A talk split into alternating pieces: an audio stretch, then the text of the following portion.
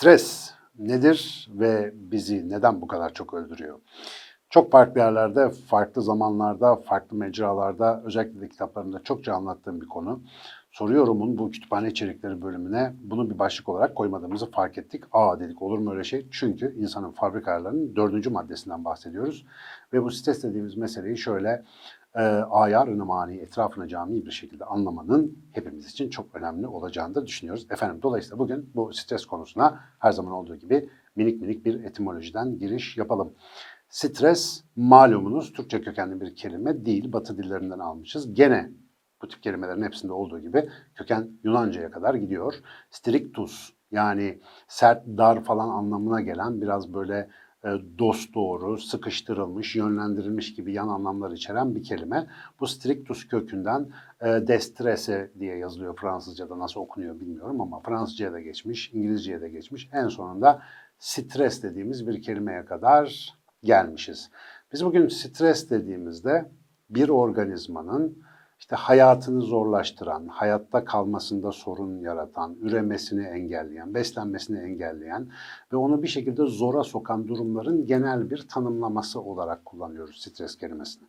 Ama biliyorsunuz hayatımızda bizi sıkıntıya ve zora sokan çok farklı durumlar var. Genellikle biyolojik ve tıbbi olarak biz bu durumların hepsine birden stres adını veriyoruz. Ve e, o işte diğer kelimeleri gam, keder, kasabet falan filan gibi şeyleri çok fazla kullanmadığımız için de stres biraz tarifi, tanımı ve detaylandırması zor bir kavrama da dönüşüyor. Ama biz bugün burada biyolojik stres, biyolojik organizmaların geçirdiği stres ve buna karşı yarattığı reaksiyonların ne işe yaradığını ve onlarla aynı sistemi paylaşmamıza rağmen bize niye sorun çıkarttığını biraz temel düzeyde anlamaya çalışacağız. Detayları için sizi İnsanın Fabrika Ayarları 2. cilt ilişkiler ve stres e, kitabına davet edeyim. Orada bayağı uzun uzun bu konuyu anlattık ama hızlıca bir şekilde şöyle anlatabiliriz.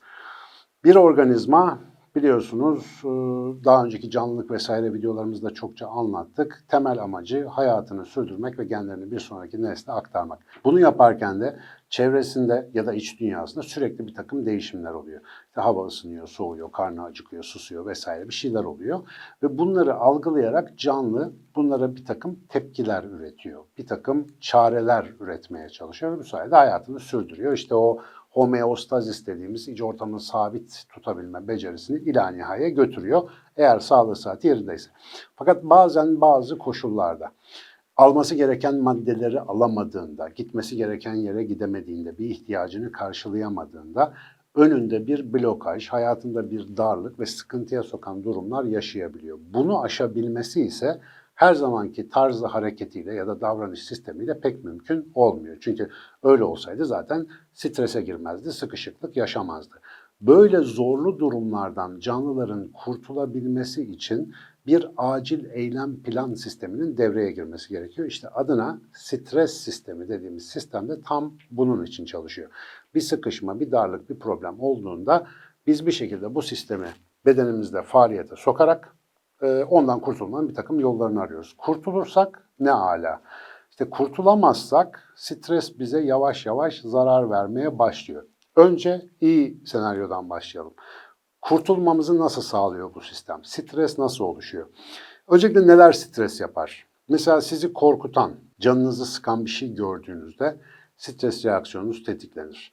Ee, ya da işte efendim bir hayvan aç kaldığında, susuz kaldığında ya da mesela hareketsiz bırakıldığında, bir yerde böyle kısılıp kaldığında bu hayvanda yine stres reaksiyonu yaratır. Dikkat ederseniz ihtiyaçlarını karşılama ve hareketini gerçekleştirmek konusunda engeller olduğunda ya da problemler yaşadığında hepsinde ortak bir sistem tetikleniyor. Peki bu sistem nasıl çalışıyor? Çok kısaca fazla detaya girmeden beynimizin algılama sistemleri, beynin üst kısmında bulunan algılama sistemleri o durum neyse, o sıkışıklık yaratan sistem neyse onu algılıyor. Beynin daha aşağılarında, alt kısımlarında, ortalarında yer alan amigdala ve limbik sistem dediğimiz yapılara bu mesajı gönderiyor. O amigdala ve limbik sistem dediğimiz yapıların görevi duygusal, dürtüsel hayatımızı ya da zihinsel e, modlarımızı kontrol etmek. Özellikle amigdala bu sıkıntılı ve problem yaratan duruma dair olan mesajı alıp diyor ki sıkışık bir hal içerisindeyiz. Hani böyle demiyor da ben seslendiriyorum amigdalayı şu anda. Ee, bir şey yapmamız lazım diyor ve hemen yanı başında bulunan ve özel bağlantılarla bağlı olduğu hipotalamusa diyor ki stresteyiz. Hipotalamus hani dili olsa da sorsa kardeş hayrola ne oldu nedir derdin.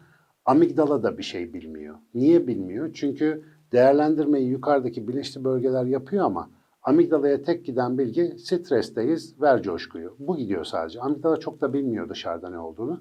Hani hipotalamusta soracak olsa amigdalanın da diyecek ne bileyim abi yukarıdan öyle dediler işte stresteyiz sen gazla falan. E, dolayısıyla hipotalamus da hiç sormuyor hakikaten. Amigdaladan bu mesajı aldı mıydı? CRH diye bir hormon salgılatıyor. Bu e, kortikotropin salgılatıcı hormon diye Türkçe'ye çevirebiliriz. Ne anlama geldiğini biraz sonra göreceğiz. Bu hipotalamustan salgılanıp hemen altında bulunan hipofiz bezine etki yapıyor. Bunlar böyle dip dibedir zaten. Hormon kan yoluyla kısacık bir mesafe e, kat edip gidip hipofiz bezinden ACTH diye kısalttığımız bir hormonun salgılanmasına neden oluyor. ACTH hormonunun açık adı adrenokortikotropik hormon. Böyle deyince çok havalı oluyor. Dışarıda ezberleyip söylemeyi deneyebilirsiniz. Dost sohbetlerinde bir anda reytinginiz yükselir. Ama adrenokortikotropik hormon aslında kelime anlamı itibariyle çok basit bir e, hedef tarifi yapıyor. Bu hormon beyinden salgılanıp nereye gidecek?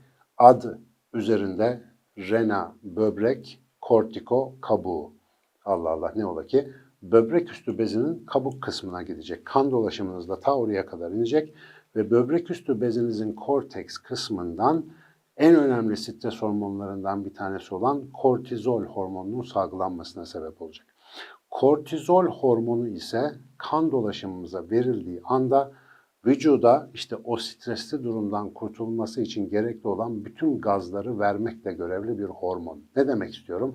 Temel etkileri şunlar. Bir, kan şekerimizi yükseltiyor. Niye kan şekerimizi yükseltiyor? Normalde bizim belli bir işte kanımızda şeker seviyesinin belli bir düzeyde olması lazım biliyorsunuz. Hani ölçerler ya açlık kan şekeri yüzün üzerinde olunca problem var falan derler. Aynen onun gibi. Fakat kortizol geldiğinde karaciğere gidip diyor ki kardeş biz muhtemelen şu anda stres var bir şeyle savaşacağız. O yüzden kasların falan enerjiye ihtiyacı olabilir. Ana yakıt maddemiz olan glikozu sen o depoladığın glikojen formundan parçalayıp kana doğru biraz verirsen hani kaslarda çalışırken o glikozu kullanabilir diye karaciğerimizden kana glikoz yani şeker pompalanmasını sağlıyor. Bir başka yaptığı iş beynimizi adeta kırbaçlıyor, uyanıklığı ve dikkati arttırıyor. Çünkü e, daha önce bulunmadığınız darlık ortamındasınız. Bir sıkıntı var. Bütün çareleri araştırıp uyanık olmanız lazım ki oradan kurtulabilirsiniz. Beyin aşırı uyarılmış bir moda geçiyor. Bir şey daha yapıyor. Diğer birçok etkisinde yanı sıra e, bağışıklık sistemimizi geçici bir süre baskılıyor. Diyor ki şu anda vücudun içinde böyle mikroplarla falan savaşmaya, kanserli hücrelerle savaşmaya enerji harcamayalım. Çünkü dış dünyada bizi zorlayan bir durum var. Bütün enerjimizi ona yönlendireceğiz. Sen bir iki dakika dur diye bağışıklık sistemi de baskılıyor. Bu ve buna benzer daha beyin kimyasında işte serotonin miktarını azaltması falan gibi çok etkisi var. Bütün bu etkileri topladığınızda vücudumuz dakikalar içerisinde o stresli durumdan kurtulmak üzere bütün potansiyelini kullanabileceği bir üst aktivite moduna geçiyor. Tabii bu biraz yavaş olan bir reaksiyon. Bir de bunun hızlısı var. Hızlısı da biz böyle heyecan, korku falan filan hissettiğimizde özellikle biliyorsunuz çok meşhur bir hormonumuz var adrenalin diye. O da ilginç bir şekilde böbrek üstü bezimizden ama kabuğundan değil de ortasındaki öz bölgesinden salgılanıyor. Bizim beynimiz hissettiğinde işte sempatik sinir sistemi diye bir sistemle aşağı sinyali gönderiyor. Bu sefer hormonlarla değil. Ve bu sistem gidip böbrek üstü bezinden adrenalini salgılatıyor. Adrenalin saniyeler içerisinde bütün vücudu coşturuyor. Kaslarımızı gerginleştiriyor, gözlerimiz irileşiyor, kalbimizin hızı artıyor, işte avuçlarımız terlemeye başlıyor, ağzımız kuruyor, bir şeyler bir şeyler oluyor. Bu arada çok soruyorlar ağzımız niye kuruyor mesela heyecanlı ya da stresliyken. E, savaşacağız ya da kaçacağız ya ana reaksiyon bu sonuçta. Hani savaş, kaç ya da don canlılarda üç tane reaksiyon var stres anında kullanabileceğimiz. E, siz mesela koşarken, kaçarken ya da mücadele ederken yemek yediğiniz gibi fazla tükürük salgılasanız bu çok iyi bir fikir olmaz. Çünkü nefes yolunuza tükürük kaçabilir. O yüzden hemen bu ağzımızı boğazımızı biraz kurutmak iyi bir seçenek. Ameliyatlarda da biliyorsunuz hastaları entübe etmeden önce, o tüp sokmadan önce işte bir ilaç veriyorlar atropin diye. O da aynı işi yapıyor zaten. Hastanın e, solunum yollarını ve ağzını, mukozasını kurutarak işte o aleti kolayca su yerleştirebilmenizi hastanın kolayca nefes alabilmesini sağlıyor. Her neyse bütün bu reaksiyonlarda dikkat edin. Adrenalin olduğu kısım saniyeler içerisinde, kortizolün olduğu kısım dakikalar içerisinde etki yaparak bizim vücudu şöyle bir coşturuyorlar. Adrenalin etkisini biraz şeye benzetirim ben. Hani işte mahallede birisi dövülürken kahveye girip de gelin işte Ahmet abi dövüyorlar falan diye millet toplarsınız ya. Adrenalin her tarafa gidip her yeri coşturuyor. Kortizol biraz daha seçici. Beyne, bağışıklık sistemine, oraya buraya düğmelere basar gibi hareket ediyor. Ve neticede bizim bu sistem o dar durumun içinden çıkmamız için bize muhtaç olduğumuz kudreti arka planda sağlamaya gayret ediyor. Ve biz o zor durumdan kurtulunca, herhangi bir canlı o stres durumundan yırtınca bu sistemde duruyor. Niye duruyor? Artık beyinden amigdalaya giden sinyal kesiliyor. Amigdala yandaki hipotalamusu taciz etmeyi bırakıyor. Hipotalamus cerrahi salgılamayı durduruyor ve neticede bu döngü kırılıyor. Ve hayvanlar aleminde görüyorsunuz. Onlar böyle tehlike geçtikten sonra gayet güzel sakinleşiyorlar. Mesela işte aslanın kovaladığı bir av, aslandan kurtulunca ki belgesellerde bunu çok seyredersiniz. Uzun süre bunu dert etmiyor biliyorsunuz. Ulan bunlar sürekli beni kovalıyorlar, lanet olsun burada yaşanmaz, ben İsviçre'ye kaçacağım falan filan diye bir ceylan görmüyorsunuz mesela. İki dakika sonra hayvan gayet normal haline geri dönüyor. Şimdi vücudumuzda bizim iki tane sistem var. Biri bu stresi coşturan sistem. Buna tıpta sempatik sistem diyoruz ya da biyolojide. Bir de rahatlatan sistem var. Buna da parasempatik sistem diyoruz. Hayvanların hayatına baktığınızda onların hayatı %90 muhtemelen çoğunluğu parasempatik sistemde geçiyor. Yani rahatı yerinde ama ne zaman bir avcı kovalıyor, ne zaman aç kalıyor, ne zaman işte bir e, eş seçme falan için kavga gürültü olması gerekiyor. O zaman sempatik sistem coşuyor. Geçici bir süre strese giriyorlar, kızıyorlar, bir şey oluyor falan. O durum geçince hayvan tekrar dinlenme moduna dönüyor. Hiçbir hayvanın oturup da durduğu yerde böyle dertlenip dertlenip de kendisini efkarlandırdığını pek fazla görmezsiniz. Ama dikkat ederseniz durum bizde böyle değil. Ve bunun bedelleri çok ağır. Niye ağır? Hayvanlarla aynı stres sistemi bizde de var. Ve bu stres sisteminin repertuarı aynı hayvanlarda olduğu gibi. Savaş, kaç ya da don. Biz bu üç repertuarın dışında bir şey yapamıyoruz o stres sistemiyle. Atalarımız doğada yaşarlarken muhtemelen bu sistem çok işlerine yarıyordu. Çünkü onlar da vahşi hayvan saldırısına her gün maruz kalıyorlardı. Açlık, susuzluk riski çok fazlaydı. Dış ortam koşulları değiştiğinde çok ciddi sıkıntılar yaşıyorlardı ve bunlardan kurtulmak için bu ani stres sisteminin vereceği güce çok ihtiyaçları vardı.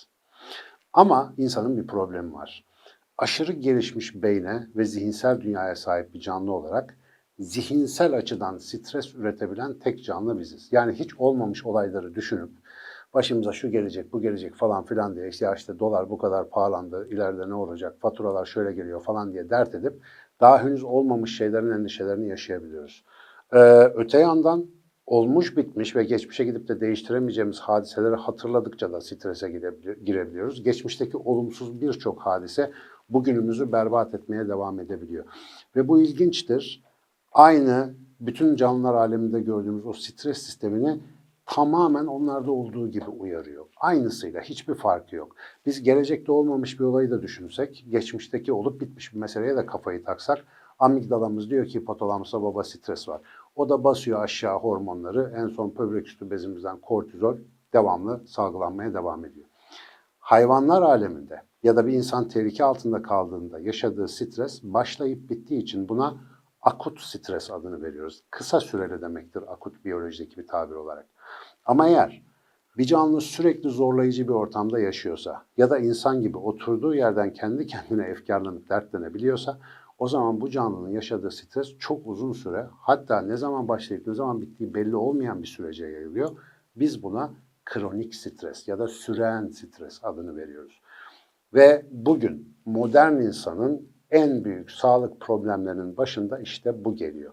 Bu stres sistemi henüz olmamış ya da olup bitmiş hadiselerden de beslendiği için tabiattaki repertuarın hiçbir işe yaramadığı bir kısır döngüye sokuyor bizi. Ne o kısır döngü? Diyelim ki bu dönem sonunda bir sınavınız var. Kendinizi çok hazır hissetmiyorsunuz. Akşam sabah o sınavı düşünüyorsunuz. Allah'ım ne olacak? Ben kalırsam ne olacak? Şu şöyle ne olacak? Anaya babaya rezil olacağım, arkadaşlar arasında maytap olacağım falan diye düşünüp düşünüp duruyorsunuz. Stres sisteminiz buna cevap vererek tamam diyor o zaman basalım hormonları da gelecek olan sınavda nasıl savaşacaksın? Nereye kaçacaksın? Donsan kaç para eder? Dikkat edin bu üç repertuar hiçbir işe yaramıyor. Trafikte sıkıştınız, deliriyorsunuz, işinize geç kalıyorsunuz. Her neyse durum sizi feci darlıyor. Savaşamıyorsun, kaçamıyorsun, donsan hiçbir işe yaramıyor. Yine aynı mesele. Sabah gardırobu açıyorsunuz. Efendim işte bugün belirsiz birkaç toplantınız var. Ne giyeceğinize karar vermeye çalışıyorsunuz. Gene aynı şey oluyor. Henüz olmamış bir hadiseyi kafaya takıp hormonlarınızı basıyorsunuz. Savaşma, kaçma, donma hiçbir işe yaramıyor. Aynı stres sistemi tabiatta tıkır tıkır çalışırken modern, şehirli, medeni insanda maalesef insanın sağlığını dinamitleyen bir problem haline dönüşüyor. E ne yapalım? O zaman tabii ki bir plastik cerraha gidip ameliyatta stres sistemimizi aldıralım. Yok öyle bir şey mümkün de değil. Bunu da aldıramıyoruz. Bu yapısal olarak içimizde bulunuyor. Stresi yönetmeyi ve stressiz bir hayat inşa etmeyi, stressiz olmasa da düşük stresli bir hayat inşa etmeyi öğrenmek zorundayız. İnsanın fabrika ayarlarında özellikle vurgulamaya, anlatmaya çalıştığım esas konu buydu. Bunu da en son olarak hani bir ipucu olarak e, söyleyeyim. Bu beyin e, sırf geçmişi ve geleceği düşünerek paso stres yapan bir beyinse, yani bu beyni bize veren eziyet olsun diye mi vermiş? Bunların hepsi stresten ölsün diye bize gıcığı mı var acaba? Yoksa biz yanlış mı kullanıyoruz? Bu açıdan bakmak lazım. İnsan zihni gerçekten de doğru kullanılmadığı takdirde kendi kendini adeta imha eden bir mekanizmaya sahip. Ne demek istiyorum? Siz çok uzun geleceği tasavvur edebiliyorsanız ve çok uzun geçmişi sürekli hatırlayabiliyorsanız burada bir problem var. Bu yeteneğin bir şey için verilmiş olması lazım. Yani sırf dertlenmek için değil. Ne için verilmiş? Gelecekte bir şey hayal edeceksin geçmişteki deneyimlerini hatırlayacaksın ve şimdi şu anda burada onunla bir şey yapacaksın. Şimdi burada şu anda bir şey yapan insanlar o yüzden stres yaşamazlar, ölüm korkusu yaşamazlar. Kendilerini işlerine veren, daha önce anlattığımız işte akış makış denen o mevzulara giren, zihni olarak farklı bir moda geçen kişiler ne ölüm korkusu yaşarlar, ne o stres reaksiyonları vücutlarında gözükür. Tam tersine vücudu uzun sürede yıkan o stres reaksiyonunun yerine vücudu yenileyen, onaran, adeta gençleştiren bir sistemi de faaliyete sokmuş olurlar. Çünkü insan imkanların hiç var olmadığı, hiçbir imkanın bulunmadığı bir doğada imkansızı başararak hayatta kalmak için tasarlanmış bir organizma. Ve o yüzden de geleceği hayal edip planlayıp geçmişteki deneyimleriyle şimdi bir şey yapmak üzere ayarlanmış. Şimdi kendimizi vererek yapacağımız bir iş yoksa, kendimizi kaybedeceğimiz bir derdimiz yoksa maalesef o zaman dünyanın olmuş bitmiş ve hiç olmamış dertleri bizi germeye devam ediyor. İnsan olmak zor zanaat bu açıdan ama bir kez hayatınızda merkeze koyduğunuz ve sizi şu anda gerçekten meşgul eden, anda tutan bir derdiniz varsa o zaman stres hayatınızın en küçük problemi olacak. Söylemesi kolay, yapması zor. Ee, ben sıklıkla örneğini veririm. Mesela ben konuşurken oluyor. Normalde kısa bir stres videosu çekeceğim dedim. Gene muhtemelen bayağı uzun olmuştur ama olsun. Ben de konuşurken böyle ancak anda kalabiliyorum. Senelerdir çenebazlığımın getirdiği tecrübeyi şimdi burada hatırlayarak gelecekte bu anlattıklarımın size ne faydalar sağlayabileceğini hayal ederek yapmaya çalıştığım bu konuşma umuyorum işinize yaramıştır. Zira benim çok işime yaradı. Çünkü bu birkaç dakikadır ben ne öleceğimi düşünüyorum, ne hasta olacağımı düşünüyorum. Vallahi hiç stresim yok. Ama kamera kapandıktan sonra ne olur bilemem. O yüzden bir sonraki videoda görüşmek üzere.